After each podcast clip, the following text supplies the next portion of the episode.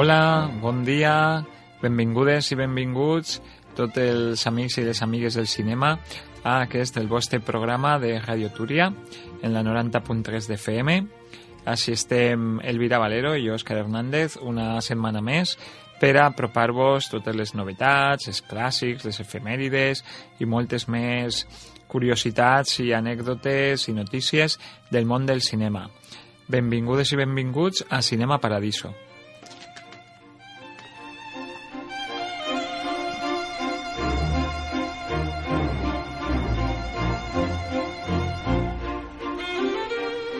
Us recordem que podeu participar al nostre programa a través de l'email la, cinemaparadiso radioturia.gmail.com on podeu enviar-nos les vostres suggerències, comentaris o qualsevol tipus de participació. També recordar-vos que podreu tornar a escoltar-nos al web radioturia.ivox.com i, per supost, a la pàgina web de Radioturia, radioturia.es. I bé, doncs, dit això, Comencem.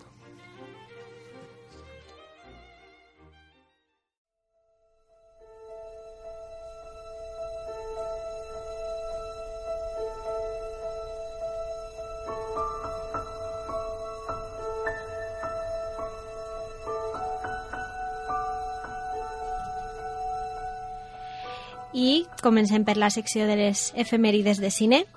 Avui és eh, 26 de, de febrer i eh, aquesta setmana ha sigut l'aniversari d'actors i actrius espanyoles com Beatriz Rico, Fernando Tejero o Natalia Berbeque. Beatriz Rico va néixer un 25 de febrer a Gijón i al convertir-se en major d'edat va decidir traslladar-se a Madrid per estudiar art dramàtic i ballet. Però a més de la seva façana com a actriu, Beatriz Rico també és cantant, cantant del grup B-Rock, L'hem pogut veure en nombroses sèries televisives com a, a las 11 en casa, Abierto 24 horas, Un paso adelante o Ellas y el sexo débil. També ha realitzat papers episòdics en sèries com La que se avecina o Siete vidas. Activista en defensa dels animals i de la igualtat entre homes i dones, ja que pertany a la plataforma de dones artistes contra la violència, contra la de gènere. De gènere a més d'estar compromesa amb moltes altres causes. A la seva pàgina web personal es pot llegir el següent text escrit per ella. Des d'ací el meu total rebuig al que executa qualsevol tipus de violència, al que agredix, al que pega una bufetada a un xiquet, una puntada de peu a un gos o al que sotmet a assetjament a un empleat. El qui viola, mata o cometa un, gen un genocidi o un crim contra la humanitat. El meu tot, la meua total abraçada al poble saharaui. Sou tota una lliçó de dignitat i el meu cor està amb vosaltres. A les dones maltractades i a qualsevol poble oprimit. La vostra veu estarà sempre en la meua gola. Estos són paraules eh, escrites per esta actriu, Beatriz Rico. Després, també dir que per la seva banda Fernando Tejero també va complir anys aquesta setmana, l'etern porter Emilio de Aquí no hay quien viva, ara triomfa a la que se avecina, interpretant a Fermín. I bé dir que el seu debut al cinema va venir amb Dies de futbol al 2003 i de la qual va guanyar un Goya al millor actor revelació. Després ha aparegut en pel·lícules com El penalti más largo del mundo, Va a ser que nadie es perfecto, Fuera de carta, Al final del camino o La chispa de la vida. També eh, va ser l'aniversari de Natalia Berbeck esta setmana, va néixer a Buenos Aires un 23 de febrer, però als 11 anys es va traslladar a Madrid amb la seva família, on estudia art dramàtic, dansa contemporània i flamenca. Aleshores, és també nacionalitzada espanyola. L'hem vista en pel·lícules com El hijo de la novia, El otro lado de la cama, El método o Las chicas de la sexta planta, però especialment a la televisió, en Los Serrano, a Doctor Mateo i més recentment a Bienvenidos a Lolita. Doncs moltes felicitats a estos tres actors eh, d'ací d'Espanya, del nostre cinema espanyol. I per altra banda, també complixen anys eh, esta setmana l'actriu Drew Barrymore i l'actor Billy Zane. Drew Barrymore va debutar als 7 anys a E.T. l'extraterrestre i a poc a poc va anar consolidant-se com una actriu mundialment coneguda. Va actuar a Batman Forever, a Scream, Por siempre jamás, però si hi ha un paper pel que segur que tots la recordem és per Los Ángeles de Charlie, on interpreta el paper de Dylan Sanders. Películes com, no sé, 50 primeras citas, Tu la letra i jo la música, Todos están bien... En definitiva, sembla que Drew Barrymore s'ha consagrat un poc al gènere de la comèdia. I avui en dia se la reconeix a més per ser una completa lluitadora, perquè molt xiqueta, sent molt, sent molt xiqueta, va superar una etapa duríssima a la seva vida i avui en dia no només desperta orgull per això, sinó, a més, per la seva tasca humanitària, a través de fundacions per a la salut de la dona, en defensa dels animals, també ha fet grans donacions en ajuda als xiquets i xiquetes de l'Àfrica que pateixen malnutrició. Aleshores és una figura doncs, molt, molt admirada, Drew Barrymore, i també li desitgem moltes felicitats. I bé, també mencionar a, a Billy Zane, que, que vam parlar d'ell fa poquet, perquè vam parlar de Titanic, és el malvat de Titanic. Destaca pels seus papers a esta pel·lícula, per exemple, a The Phantom, a Regreso al futuro, i sobretot pel seu paper pel, del pertorbat psicòpata assassí en Calma Total. I ja, per acabar, destacar que aquesta setmana haurien complit anys dos emblemes del cinema clàssic. Els directors Víctor Fleming, de, reconegut sobretot per lo que el viento se llevó, i per El mago de Oz, i Terence Fisher, que va ser un poc abanderat del, del cinema del terror més eh, clàssic, fent adaptacions cinematogràfiques de Dràcula, Frankenstein, El fantasma de l'òpera, El gos dels Baskerville, La mòmia... Tot una... Tot una, una, un referent del, del cinema de terror, Terence Fisher, que n'hauria complit 112 anys, i que s'ha convertit un poquet en el mestre o el gurú de tota una generació de cineastes i crítics que veuen en, en ell un dels màxims exponents del cinema de terror clàssic.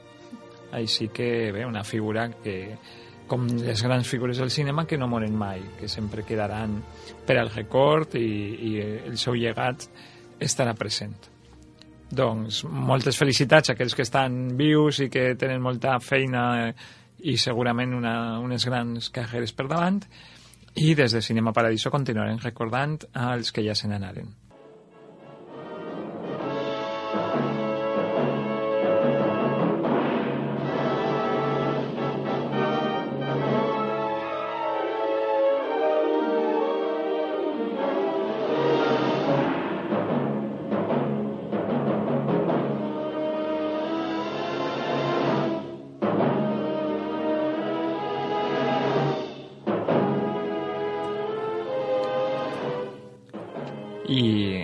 Ens apropem ja, entrem ja a la secció el clàssic de la setmana i probablement molts i moltes dels nostres oients hauran endevinat que avui anem a parlar d'un clàssic que a la seva vegada és un remake d'un altre clàssic i que està fet, amb, amb els dos estan fets, van ser fer pel mateix director. Estem parlant de L'home que sabia massa i segur que heu reconegut la banda sonora de Bernard Herrmann, el, el compositor de capçalera de Alfred Hitchcock. Bé, estem parlant, amb el títol original en anglès, The Man Who Knew Too Much, la pel·lícula d'Alfred Hitchcock dirigida en l'any 1956 i protagonitzada per James Stewart i Doris Day. Com hem comentat, el film és un remake de la pel·lícula homònima dirigida en 1934 pel mateix Hitchcock, abans de fer el salt a Hollywood. Eh, si en aquella ocasió, en l'any 34, una pel·lícula en blanc i negre, el misteri començava eh, a les pistes d'esquí de, de, de Suïssa, en la versió que estem examinant avui, el matrimoni protagonista està de vacances al càlid, exòtic i misteriós Marroc. El doctor Ben McKenna, el personatge interpretat per James Stewart, i la seva dona, Joe, Doris, Doris Day, que és una cantant retirada, són una parella dels Estats Units que està passant les seues vacances al Marroc i tenen un fill que va en ells que es diu Hank, un xiquet d'uns 10 anys. Després de, per circumstàncies estranyes en les quals mort un espia en braços del doctor McKenna, i li revela un secret eh, este matrimoni es trobarà, eh, es trobarà en una circumstància molt, molt estranya, perquè de sobte el seu fill menut eh, desapareix. Resulta que ha estat segrestat. Sense saber en qui confiar, els McKenna es veuen embolicats en un malson d'espionatge internacional, assassinats i angoixa.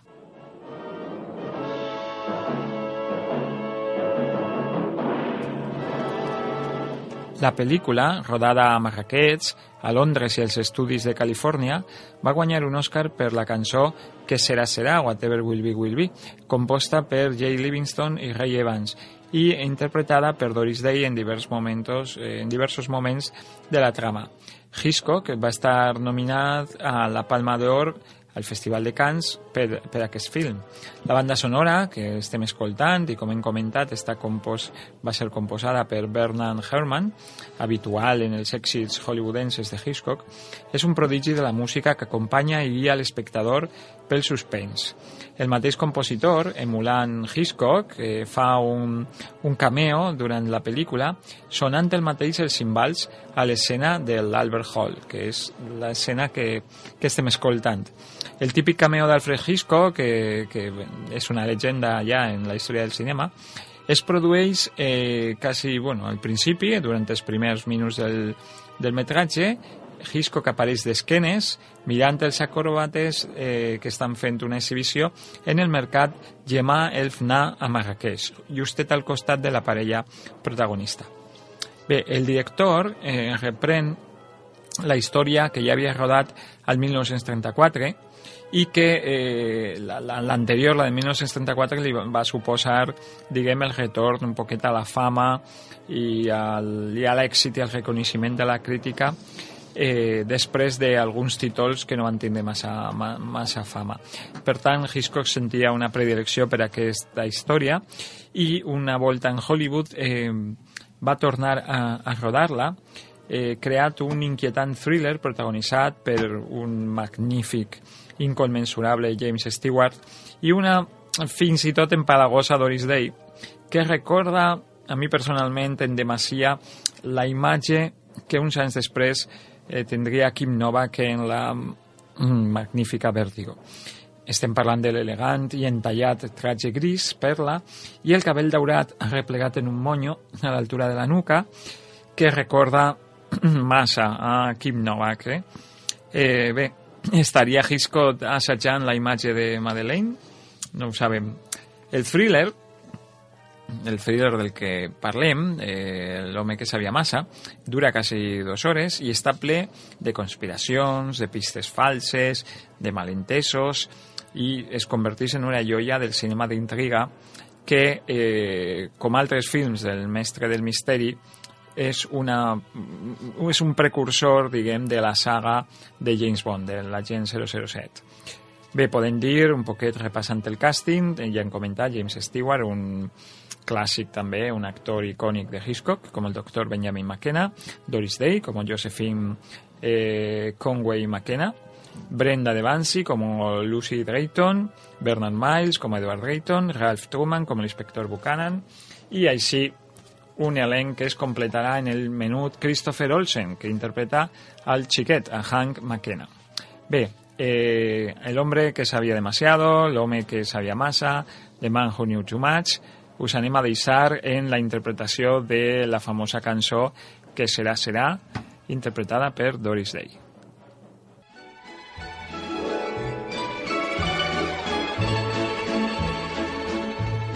When I was just a little girl, I asked my mother, What will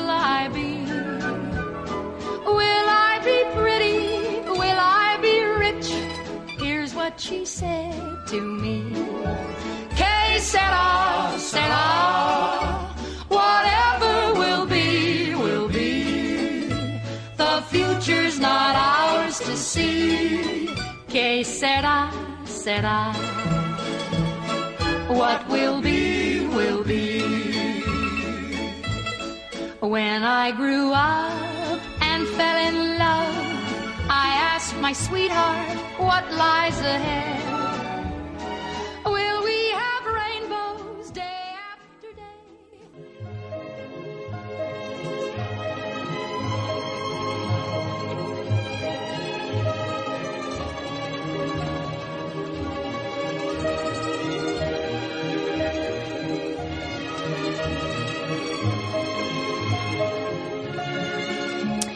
I ara comencem amb la secció de les estrenes de la setmana.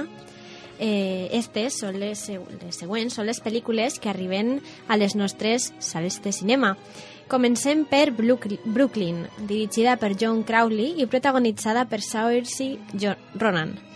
És la història de Eilish Leys, una jove irlandesa que veu l'oportunitat de marxar als Estats Units i d'instal·lar-se al barri de Brooklyn, a New York, en una casa d'hostes plena de joves eh, emigrants d'Irlanda com ella.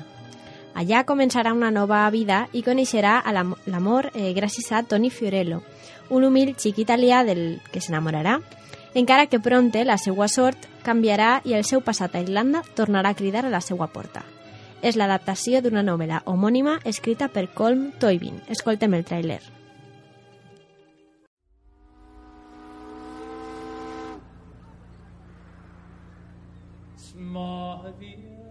Step over this way, please. Get out of the line. Next. Passport, please. Welcome to the United States, ma'am. Dear Rose, I miss you and Mother and think about you every day. The most important news is that I have a job and I'm in a boarding house. I was glad to see you finally got some letters from home today. I wish that I could stop feeling that I want to be an Irish girl in Ireland. Homesickness is like most sicknesses. It will pass. Would you dance with me?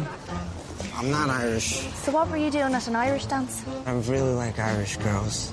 Baby, baby, I met somebody, an Italian fella.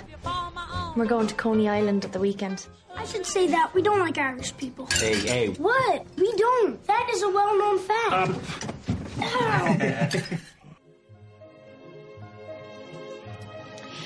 Bueno, dir que esta pel·lícula té molt bona, dona molt bona impressió perquè almenys la fotografia eh, sembla brutal, molt, molt, molt mesurada, molt, molt cuidada Mhm. i en si la història doncs, pot ser sigui una història més sentimentaloide. Però està eh, situada en l'actualitat? no, està, està ambientada als anys no sé si 40 o, Vale. o així. No? I bé, no sé, té molt bona, molt bona pinta. El que passa és que, com dic, a lo millor és més una pel·lícula eh, sentimentaloide, romàntica... Eh, pot Bé, ser però- d'estes històries, eh, d'estes pel·lícules típiques que, que millor es fan un poc llargues perquè són...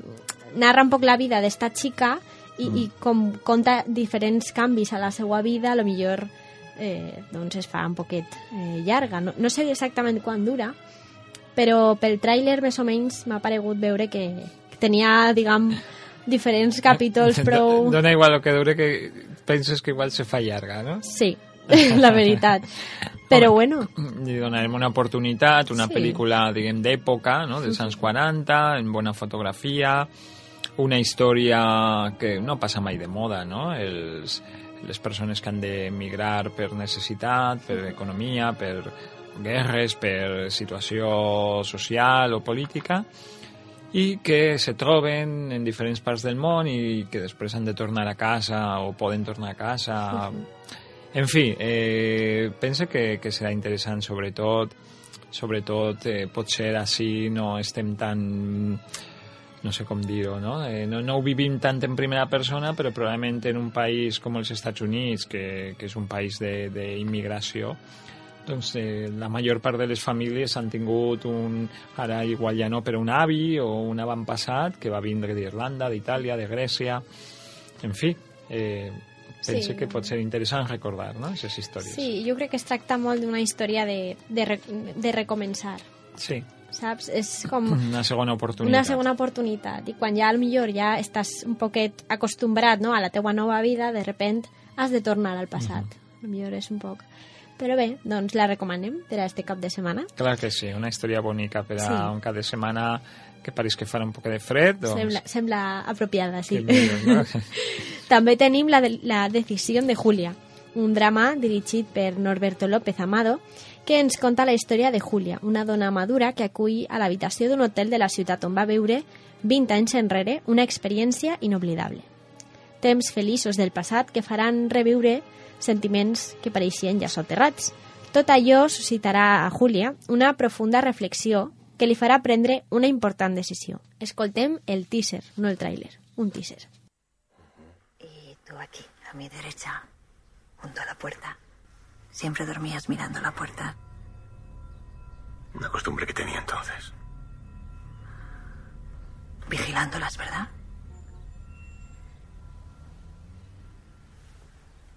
Yo sabía que era la última noche y me preguntaba cómo me dirías adiós. Si lo harías como si fuese una noche más o si tendrías preparado algún tipo de ceremonia. No es que esperase fuegos artificiales ni nada por el estilo, pero Pues no me dejaste entrever que esperabas algo más. O no supe verlo. porque no quería presionarte. Las mujeres sabemos muy bien que no hay nada menos efectivo que presionar a los hombres en cuestiones amorosas. Y que tenías mucho orgullo. Bueno, eso saltaba a la vista, ¿no? No te arrodillabas ante nada, te ibas a arrodillar ante un vasco de pueblo que además decía que estaba prometido con otra. A veure, Elvira, explica un poquet a mi i als oients que no tinguen clar la diferència entre un teaser i un tràiler. Doncs un tràiler és, diguem, un resum no? de, de la pel·lícula, és una sinopsi feta eh, imatges i so, és, és a dir, una, un resum audiovisual, mentre que un teaser és un tros de la història, Un tall. un tall, Val, tal qual. val, val. Sense, sense, diguem, sense passar per, per, per muntatge. Exactament. No? Val, és val. com si agafares un trosset d'una seqüència i Sí, sí, simplement això. un minutet del metratge sense... No com un tràiler que te ho fan com molt atractiu i te trauen les escenes seleccionades, no? Un tràiler és com un teaser també, però un tràiler és encara més promocional. Més promocional, val, té un, Exactament. molt, bé, molt bé. eh, són coses que hem d'aprendre perquè també són... Abans no se feien teasers, no? Se No, feien... no és una coseta tan coneguda i, i sí que s'utilitza sobretot a l'hora de per exemple, eh, a l'hora de distribuir una, una pel·lícula en fires o en eh, encontres, a lo millor audiovisuals, de, del mercat, eh, de, de, de televisions, Sí. que volen... Doncs, a lo millor per a presentar un programa que, que vols que es produïsca, doncs presentes la, la teua idea amb un teaser. En, Bé, ve- en, en un fragment, però sense muntatge. Un fragment. Sense muntatge. Jo la primera volta que vaig sentir aquesta paraula i m'he familiaritzat, encara que no tenia massa clar, pues fa un any i algo, quan començaren la promoció de, de la nova pel·lícula de, de Star Wars, i el teaser promocional, el primer teaser, el segon teaser, i, i eren escenes d'apenes 10 segons o 15 segons, però no acabava de veure clar, eh, clara la, la diferència, no? Però bueno, jo crec que ja en l'explicació que ens ha donat Elvira està claríssim per a tots que, que és una cosa i que és una altra. Gràcies. Molt bé, doncs, una pel·lícula mm, eh, dirigida per mm, Norberto Sí, López Norberto López Amado. Amado. Mhm. eh, bé, cinema Sí, la- espanyol, que sí. sempre és interessant. Molt intimista, no?, la pel·lícula, molt sentimentaloide també. Bueno, Però bé, és una, pot ser una molt bona proposta. I tenim alguna proposta més? Sí, tenim també eh, 13 hores, Los soldados secretos de Benghazi, que està, és, molt, és prou eh, política, per, així, per dir-ho així, no? Sí, sí, sí, he vist el tràiler. El tràiler. A la televisió. També tenim La habitación, eh, Tenemos que hablar, una pel·lícula espanyola, i El bosque de los suicidios.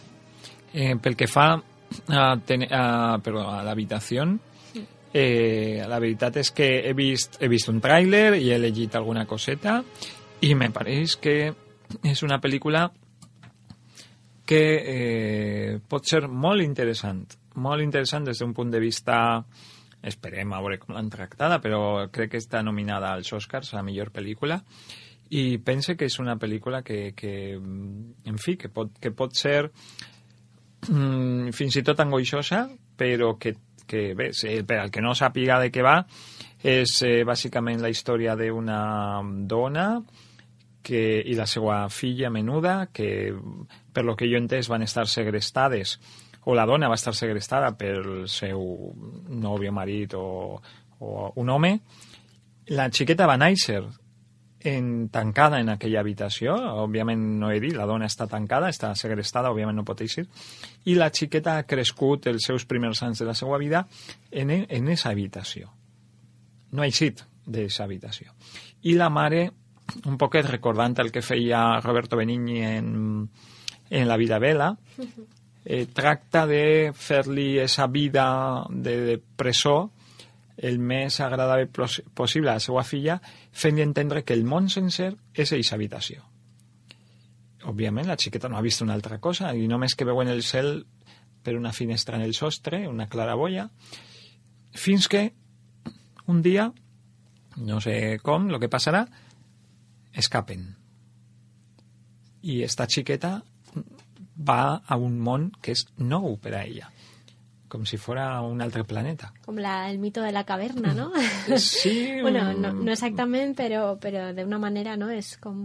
Però un poquet podria ser. Redescobrir podria ser. El, eh, allò que ha més enllà de, de sí. les mm. barreres, no? De... Sí, pot ser també, si voleu, una alegoria de la televisió del cinema, del que hi ha darrere de la pantalla sí, o del que hi ha... deu tindre prou... El món real, sí, no? Sí, moltes referències o, no sé, molta... Sí eh, no sé, a nivell psicològic, psicològic. no? Molt, Crec que és, que és una, una proposta interessant. Sí. Després, òbviament, cal veure com s'ha desenvolupat. I la de Tenemos que hablar ens estan donant sí. eh, la tele per totes les bandes. Sí, però... perquè està protagonitzada per eh, Hugo Silva i per Michelle Jenner, que com som com una parella ja televisiva, no? Sí. Perquè no sé en quina... Crec que una sèrie ja van ser parella, mítica parella, aleshores és com el retrobament d'estos dos actors a esta pel·lícula. Amb un plantel de secundaris també, sí. de comèdia... Sí.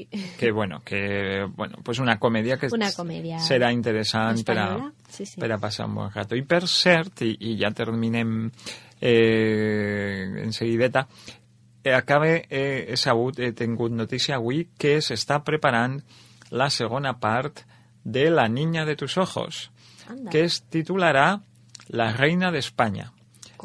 En la cual, en la cual eh, Trueba, Fernando Trueba reprèn la història i els protagonistes de la, de, de la mítica La niña de tus ojos i els porta 18-20 anys després, és a dir, a meitat dels anys 50, situant-lo en el temps a meitat dels anys 50, i reprèn la història d'estos personatges, en el qual, per exemple, eh, Macarena, me pareix que es deia el personatge que feia Penélope Cruz, és una superestrella que triomfa en Hollywood. Què? I, i apareix Loles León també, Però... fent de la seva mm, com madrastra o, o alguna així. Eh, apareix Antonio Resines, que havia estat en l'exili, que no havia mort. Van apareixent tots els personatges de la primera part. Que curiós, no? Amb nous personatges, entre altres Carlos Areces i, i altres, no? I, I la veritat és que estarà tot situat en l'època de les grans superproduccions que comentaven l'altre dia, dels anys 50 de Hollywood, i precisament se titula La reina d'Espanya perquè però, o sea, els estudis de Hollywood venen a Espanya eh, a rodar una pel·lícula sobre la reina Isabel, la catòlica, paper que desenvoluparà el personatge que fa Penélope Cruz. És un poc, exactament, com van comentar la, la passada setmana, una altra vegada l'estrella de la pel·lícula, no? perquè fa una actriu espanyola que, que triomfa a Hollywood. Sí. I Penélope Cruz en si ja, ja és ixa, Sí, eh, sí és un poquet figura, com no? ella, sí. Com sí. que han agafat ixa Sí. història perfecta, no?, per a... La per a veritat és que mm, jo he disfrutat molt les voltes que he vist La niña de tus ojos com a pel·lícula mm, eh, de metacine, com a pel·lícula còmica, com a pel·lícula també històrica i la veritat és que estic desitjant veure esta segona part, esta reina d'Espanya, a veure que, que per lo que ha dit Fernando Trueba és, eh, és més comèdia que drama. Per tant, Doncs estarem atents a, a veure quan s'estrena, que, que noves notícies tenim d'esta nova pel·lícula, d'esta Sí. nova entrega, i continuem.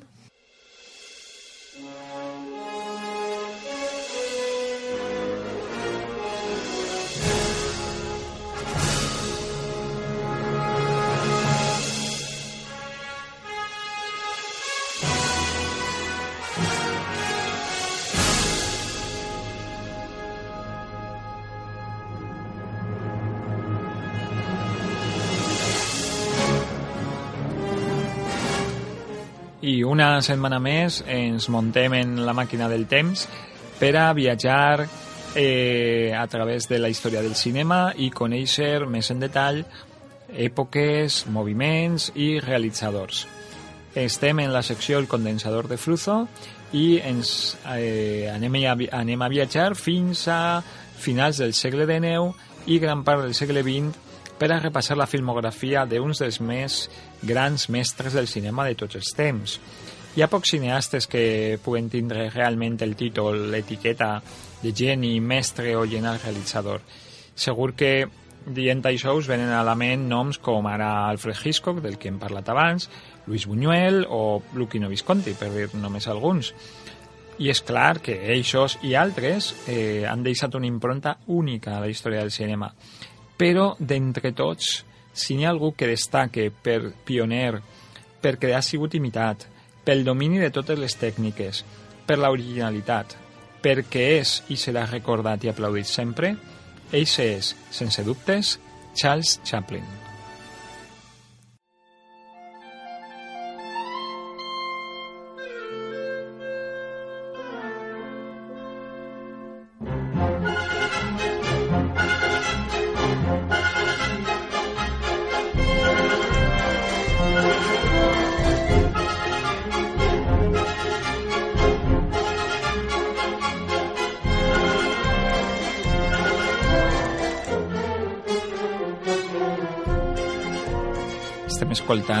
Banda sonora de Llums de la ciutat de City Lights, una, una obra genial de Charles Chaplin. Bé, eh, aquest cineasta naix a Londres a l'any 1889, al ser d'una família d'artistes del Music Hall. Tot pareixia anar bé, però cap a finals del segle XIX la família cau a la misèria. El xicotet Chaplin, que havia ja debutat només en 5 anys als escenaris, es veu que, eh, que haurà de lluitar pel seu pa, ja que son pare mor justet començar el segle XX, al 1901, i sa mare pateix a partir d'aleshores problemes de salut mental. A poc a poc, el jove Charles o Charlie aconsegueix alguns papers menors a obres de teatre fins que aconsegueix entrar en la companyia teatral de Fred Carno. Allà coincidirà amb un altre geni de, del cinema còmic, eh, del burlesque que parlarem així fa unes setmanes. Estem parlant de Stan Laurel i al 1910 el jove Chaplin se n'anirà de gira als Estats Units d'Amèrica. Només quatre anys després, al 1914, Chaplin és descobert per Mark Sennett i contractat per la productora Keystone. Allà debuta ese mateix any, 1914, amb el títol Making a Living, una comèdia en la qual eh, Charles Chaplin no fa del personatge del vagabond, de Charlotte, sinó que fa d'una espècie de periodista, tramposo, en fi, un cara dura. Serà en el següent film, en Auto Races at Venice, on apareix per primera vegada el mític i icònic vagabund, en els seus atributs, el bastó, la roba gran i bruta, el bombín, el bigotet, etc. Bé, durant poc més d'un any, Chaplin treballa d'estar en la Keystone, filmant nombroses pel·lícules, que estem parlant de curtmetratges, i acaba convertint-se, d'aquesta manera, en la principal estrella d'aixòs estudis.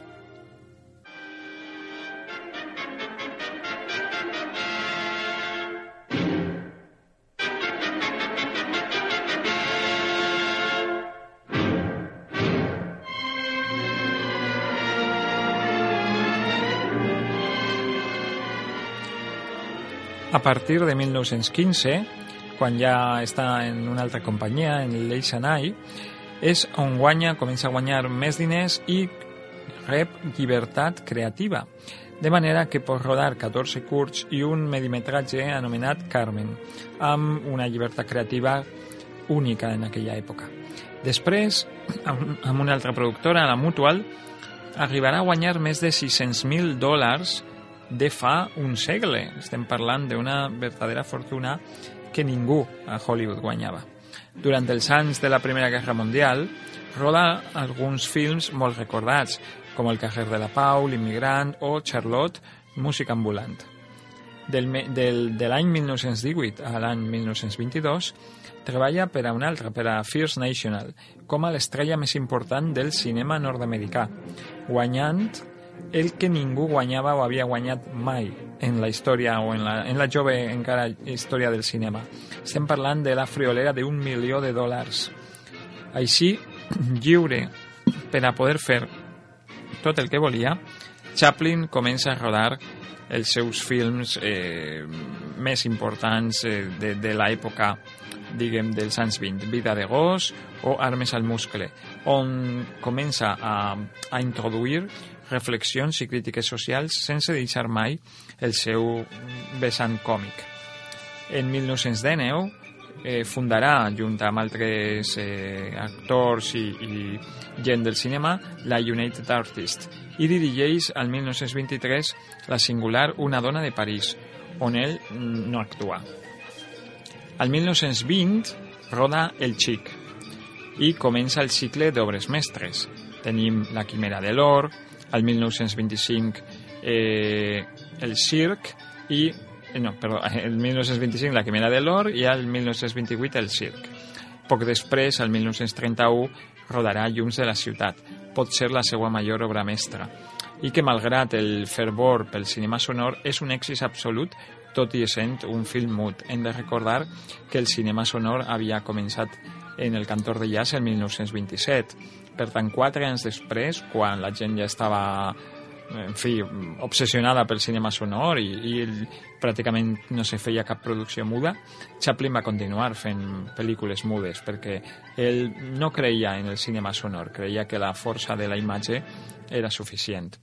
Així, en la mateixa mentalitat, el 1936 filmarà Temps moderns, pot ser la major crítica al capitalisme rodada mai, i que el va col·locar en l'objectiu dels que anys després l'obligaran a exiliar-se dels Estats Units d'Amèrica. Estem parlant de l'època del macartisme, de la cacera de bruixes, etc. Chaplin roda un film mut amb poques seqüències sonores, encara que sí que introduís en algun moment el so, i eh, quan per fi, cap al final de la pel·lícula, el seu personatge per fi parla, ho fa cantant en un idioma inventat. Bella giustadore, je notre soccatore, je notre citavore, je la tu la ti la tua.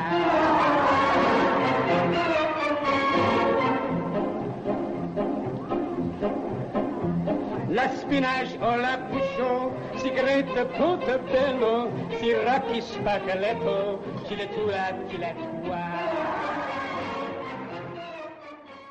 El genial Chaplin sempre sempre innovant, sempre estaven comentant Elvira i jo aquesta escena apoteòsica quan, quan, quan el, el vagabund ha de parlar no sap què dir perquè ha perdut els papers en els quals tenia la lletra de la cançó i eh, decidís obrir la boca i el que isca, no? I és, és un poquet una crítica de Charles Chaplin al cinema sonora, que a voltes les paraules no tenen sentit, però ens deixem portar per les paraules, no? Ell defensava la força de, de la imatge, igual que un altre geni com Hitchcock. Bé, però poquet a poquet anirà entrant en, en el cinema sonor i estem parlant, per exemple, del Gran Dictador, on Chaplin pren la paraula al final del film per a parlar amb els espectadors i defensar els, els valors de la democràcia. En esta escena no és el personatge, no és el Charlotte, que, que per avatars del guió acaba mm, vestit del dictador, del, de, bé, el, diguem, l'alter ego de Hitler, i havent de fer un discurs davant de les tropes. En aquest moment és Charles Chaplin, el director, el cineasta, qui parla directament a càmera i, i diu a la gent, estem en 1940, i diu a la gent que, que hem de defensar els valors no? de la democràcia. Bé, tot així, malgrat ser un defensor eh, sense cap dubte de la democràcia, al 1942 el Comitè d'Activitats Antiamericanes l'acusarà de comunista. Chaplin no sé a Milana i filma Monsieur Verdú. Monsieur Verdú, de la qual hem parlat així perquè la passàrem en el Fòrum de Clàssics del Cinematògraf fa tres o quatre setmanes, és una cinta que és molt crítica en la societat capitalista, una altra volta, i que apareix com una... Eh, la societat capitalista, el capitalisme, apareix com un assassí desalmat, un sistema corrupte en si mateix que porta el protagonista, a este senyor Verdú, a matar per aconseguir diners. També Chaplin en este film critica la guerra com una activitat econòmica interessada en produir armes amb el fi de matar persones per a continuar produint armes i guanyar diners. Bé, òbviament, aquesta crítica, junta a la de a la de tiempos modernos, pues el va posar en l'objectiu d'este de, comitè d'activitats antiamericanes.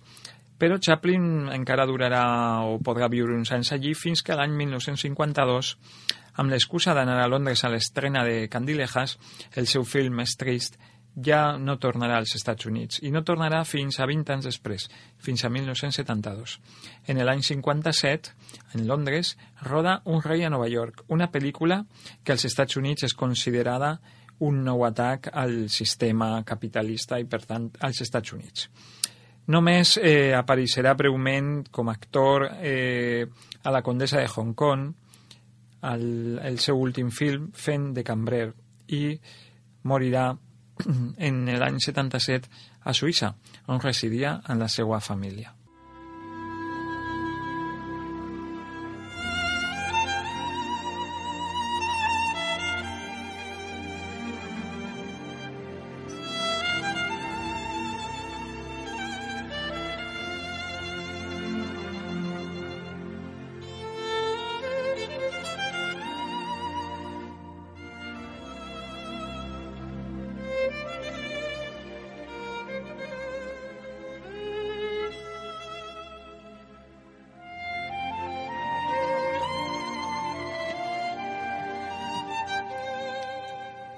Estem escoltant el, el, eh, la música principal, la cançó principal de, de Candilejas, com hem comentat, una de les pel·lícules més tristes de, de Chaplin, en la qual ja apareix un còmic ancià, acabat i que està al final de la seva carrera i que és un poquet un, una alegoria del mateix Chaplin, del mateix Charlotte, morint eh, durant, durant la pel·lícula, el personatge. Eh, podem comentar, i com hem vist en este repàs, que Chaplin pràcticament la primera meitat del segle XX es convertís en un mestre, en un geni, en un innovador, en un èxit sense cap dubte del cinema de Hollywood i eh, com aquestes coses que solen passar a Hollywood doncs Chaplin no va tindre pràcticament premis durant la seva carrera. A l'any 72, com hem dit, es, es torna als Estats Units, ja ha passat la, el malson del, del, del comitè d'activitats antiamericanes i la cacera de bruixes i Chaplin és el, el criden a Hollywood per a rebre un Oscar d'honor, l'Oscar d'honor a tota la seva carrera. Eh, hem de dir que, per exemple, quan va fer el, el circ, al, al 1928 pues, mm, no, no li van donar cap premi per aquesta pel·lícula com a, diguem, dels premis normals, no? de millor director, o millor pel·lícula, o millor actor, o millor... perquè l'haurien donat tots. Hauríem merescut tots. I se van inventar un premi aquell any per a aquesta pel·lícula, per a Chaplin, com a el, un premi global? Per a no haver-li de... S'haurien portat tots, el millor actor, el millor guió, la millor... tot. I bé, i va, va ser una de, un, un, un, un d'estos eh, realitzadors com uns quants que hi ha al llarg de la història del cinema que no han sigut premiats o reconeguts de la manera que haurien d'haver sigut, no? perquè bé, no anem a fer comparacions, però, però tenim, tenim directors con Chaplin, que no té un Oscar al millor director, i altres que ne tenen dos o tres ja, i que bé, que... Ahí estan agafant pols. que bé, que no, no està clar, no? Però, però òbviament, eh, el millor premi des d'ací jo crec que, que ho podem dir ben alt és el, és, és el reconeixement de la història. I, i després d'un segle triomfant, Chaplin continua triomfant i les noves generacions continuen gaudint el cinema de Chaplin. Per això reivindiquem que en les televisions, fonamentalment públiques, no? se posen, se passen pel·lícules clàssiques, pel·lícules de Chaplin i pel·lícules d'altres creadors que són immortals, per a que les noves generacions puguen continuar disfrutant, perquè és un humor i és una innocència i és una, un art que tots han de gaudir, igual que la literatura o que la música, no? Per què no? Així que el nostre homenatge avui per a aquest genial cineasta, mm, compositor, guionista, director, que era Charles Chaplin.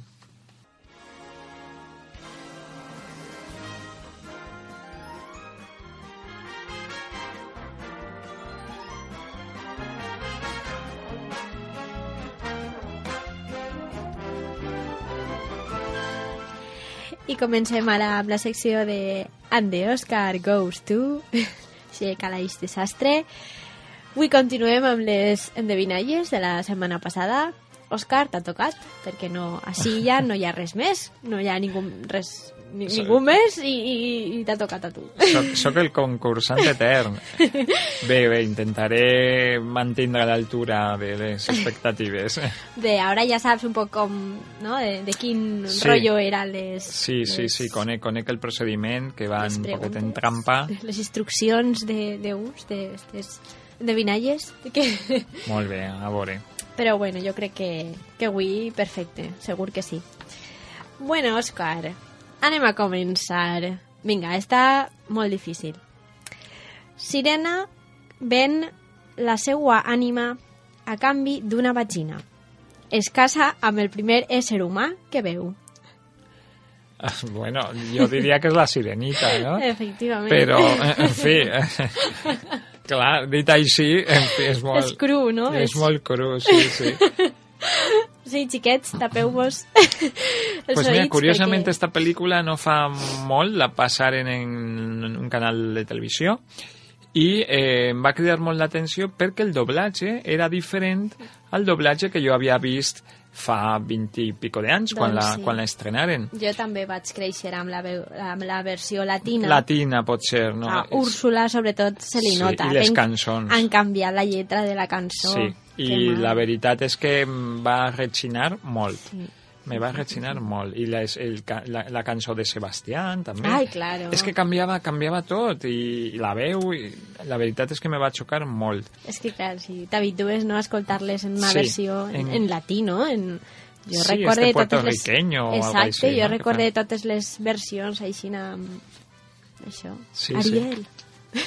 Ai, mare. Però bueno. Ariel, pues sí, va canviar la seva ànima, la seva veu era, era la seva veu, que cantara més fort. Exactament. perquè tenia una veu deliciosa, no? Era una, va ser, a més, la pel·lícula que va suposar el segon renaixement de la Disney, Sí. la segona edat daurada de la Disney, després vindria La Bella i la Bèstia, El Rei León, mm, Pocahontas... Sí, Aladdin, crec, que- Aladdin, crec que també molt són bé. de les més noves, no? De... Tenen cinc o sis que van ser molt, molt, molt...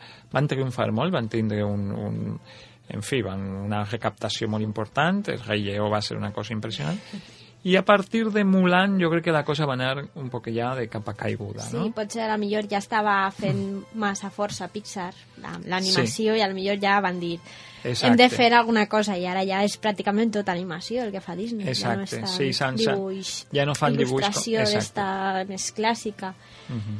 Però sí que és veritat que són les pel·lícules més clàssiques de, de bueno, almenys de, de la meva infància, de, de les Sí. meues eh, generacions, són aquestes pel·lícules, la veritat, I molt, i és, exitoses. és molt boniques, carregades de polèmica, com òbviament tot el que fa Disney, però, eh, però bé, eh, pel·lícules que han acompanyat a, a moltes persones durant la seva infantesa.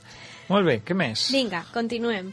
Eh, un xic pelirroig, pel-roig, i la seva rata violen nom nombrosíssimes normes sanitàries. Sí, esta és Ratatouille. molt, molt bonica, sí, molt sí, bonica. mira, esta ja és una d'animació de Disney. de, de Pixar o de... Ja, ja no sé si és Disney o Pixar. Però estan fusionades, no?, ara les dues empreses? No ho sé. O, o se separaren o... no ho tinc clar, no ho tinc És que clar. com aquestes empreses se compren i se venen i Ja. ara Disney ha comprat, eh, ja ho hem parlat així, Lucasfilm, Exacte, Eh, això també sí està en superherois, tenen en la Marvel Studios, que era abans crec que era Disney i ara s'ha independitzat una altra volta, en fi. Està el negoci dels grans estudis i dels dos blockbusters que, que Un poc ahí... un poc marejat, sí. bueno, va, continuem. De moment va, vas Vinga, molt bé, alguna més, Òscar. va. Hombres, ui, hombre, home sense nas té una insana obsessió amb un xic adolescent. Vale, eh, este es el, el Condemor, este, eh, Condemor. Harry, Condemor.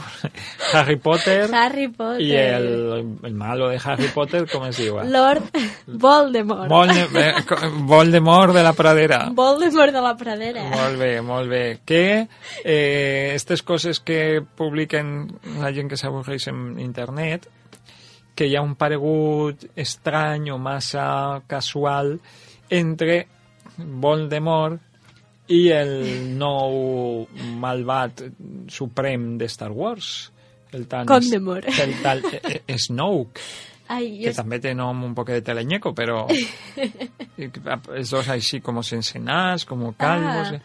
És que, Mm. clar, no?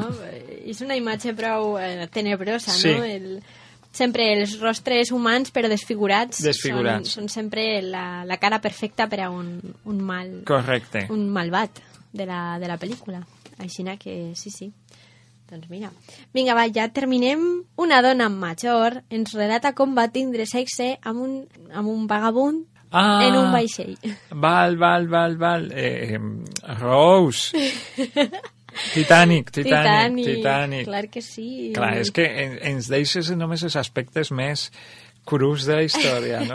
És la gràcia que tenen estes, estes endevinalles, que són prou... Sí, sí, i quan tira... Fora, fora, fora màgia, Sí. fora somnis... Fora romanticisme, directament ahí, pues mira, ahí en el cotxe de la bodega, Tu pim pam creus, pum. Pim pam pum i... Després el va deixar morir, encara que tenia puesto en la Tenia fusta puesto. aquella, i eh, que se congele. Esta dona de veritat. I vinga, ja la última. La última, va. Un grup tarda 9 hores en, retor en tornar joieria. Mm, un grup torna 9 hores en retornar joieria Joieria. Al seu... als seus propietaris. Al o seu lloc de... Al seu lloc de... D'origen. Pues això pot ser, me sona la de esta espanyola de aquells de Las Vegas o algo així, eh, que perd un anell o... mm, no sé. Mm, no. No? Bo, no me la sé. Sí que... és- Sí que me la sé. Sí, el que passa és que de, No està feta d'una manera...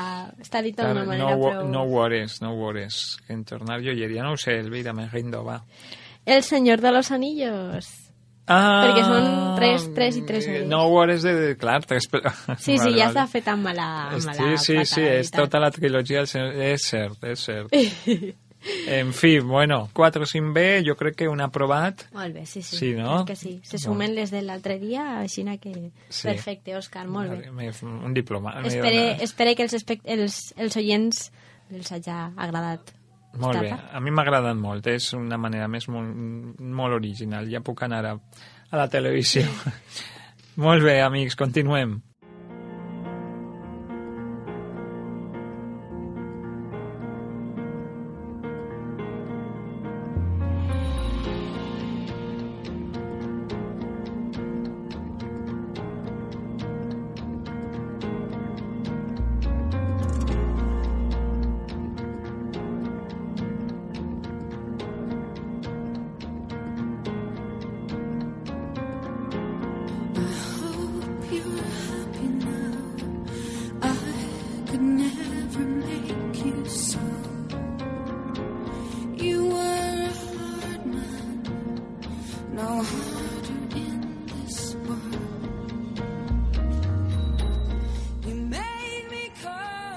Escoltant Sidney O'Connor eh, cantant la, el tema principal de la banda sonora de En el nom del pare, eh, anem a passar a l'agenda eh, de l'Eliana i Comarca i us hem de dir que este cada setmana, avui mateix divendres, a le, en la Liana a les 19 hores en la Casa de la Joventut i dins dels actes del Festival MICE podrem gaudir de la futurista o pot ser no tan futurista Robo G del japonès Shinobi Yaguchi. El diumenge, dins del cicle de cinema polític i social que coordina el professor Ramon Alfonso, podrem veure a les 18 hores al Centre Sociocultural la pel·lícula britànica Lady Bird, Lady Bird, de Ken Loach. I a Ribarrotxa, el proper dissabte a les 6 hores, tenim Alvin i les ardilles. A les 20, a les 8 de la vesprada, Crit. I a les 10 i mitja de la nit, la xica danesa. I el diumenge, a les 4 i mitja de la vesprada, tornarem a tindre Alvin i les ardilles, a les 6 i mitja, la xica danesa, i a les 9 hores de nou, Crit. Recordeu, totes aquestes pel·lícules són a l'Auditori Municipal de Ribarrotxa.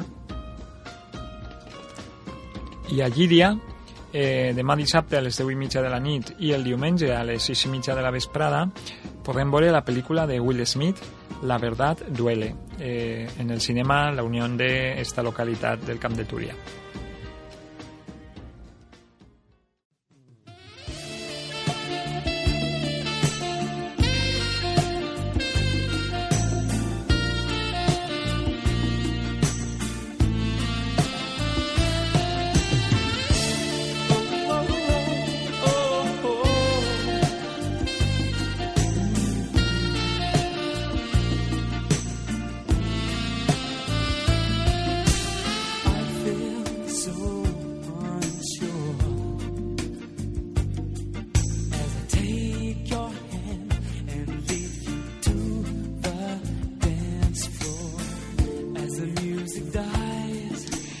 Bé, hem arribat ja al final del nostre programa d'avui.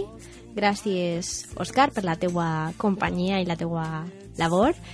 Eh, recordar que la setmana que ve tornem el proper eh, divendres a les 12 del migdia després podreu tornar a escoltar-nos a les 8 de la vesprada i com hem dit abans a la plataforma iVox a Radio Túria Cinema Paradiso i bé, doncs, fins a la setmana que ve. Ens un plaer, escoltem. Elvira. Un plaer comptant amb tu.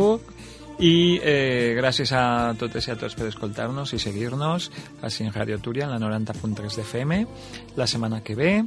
Eh, així estarem una, un dia més i a més la setmana que ve parlarem de... tenim novetats del Festival de Curs de l'Eliana i ja us anirem comptant. Gràcies i fins a la setmana que ve. Adeu. sky.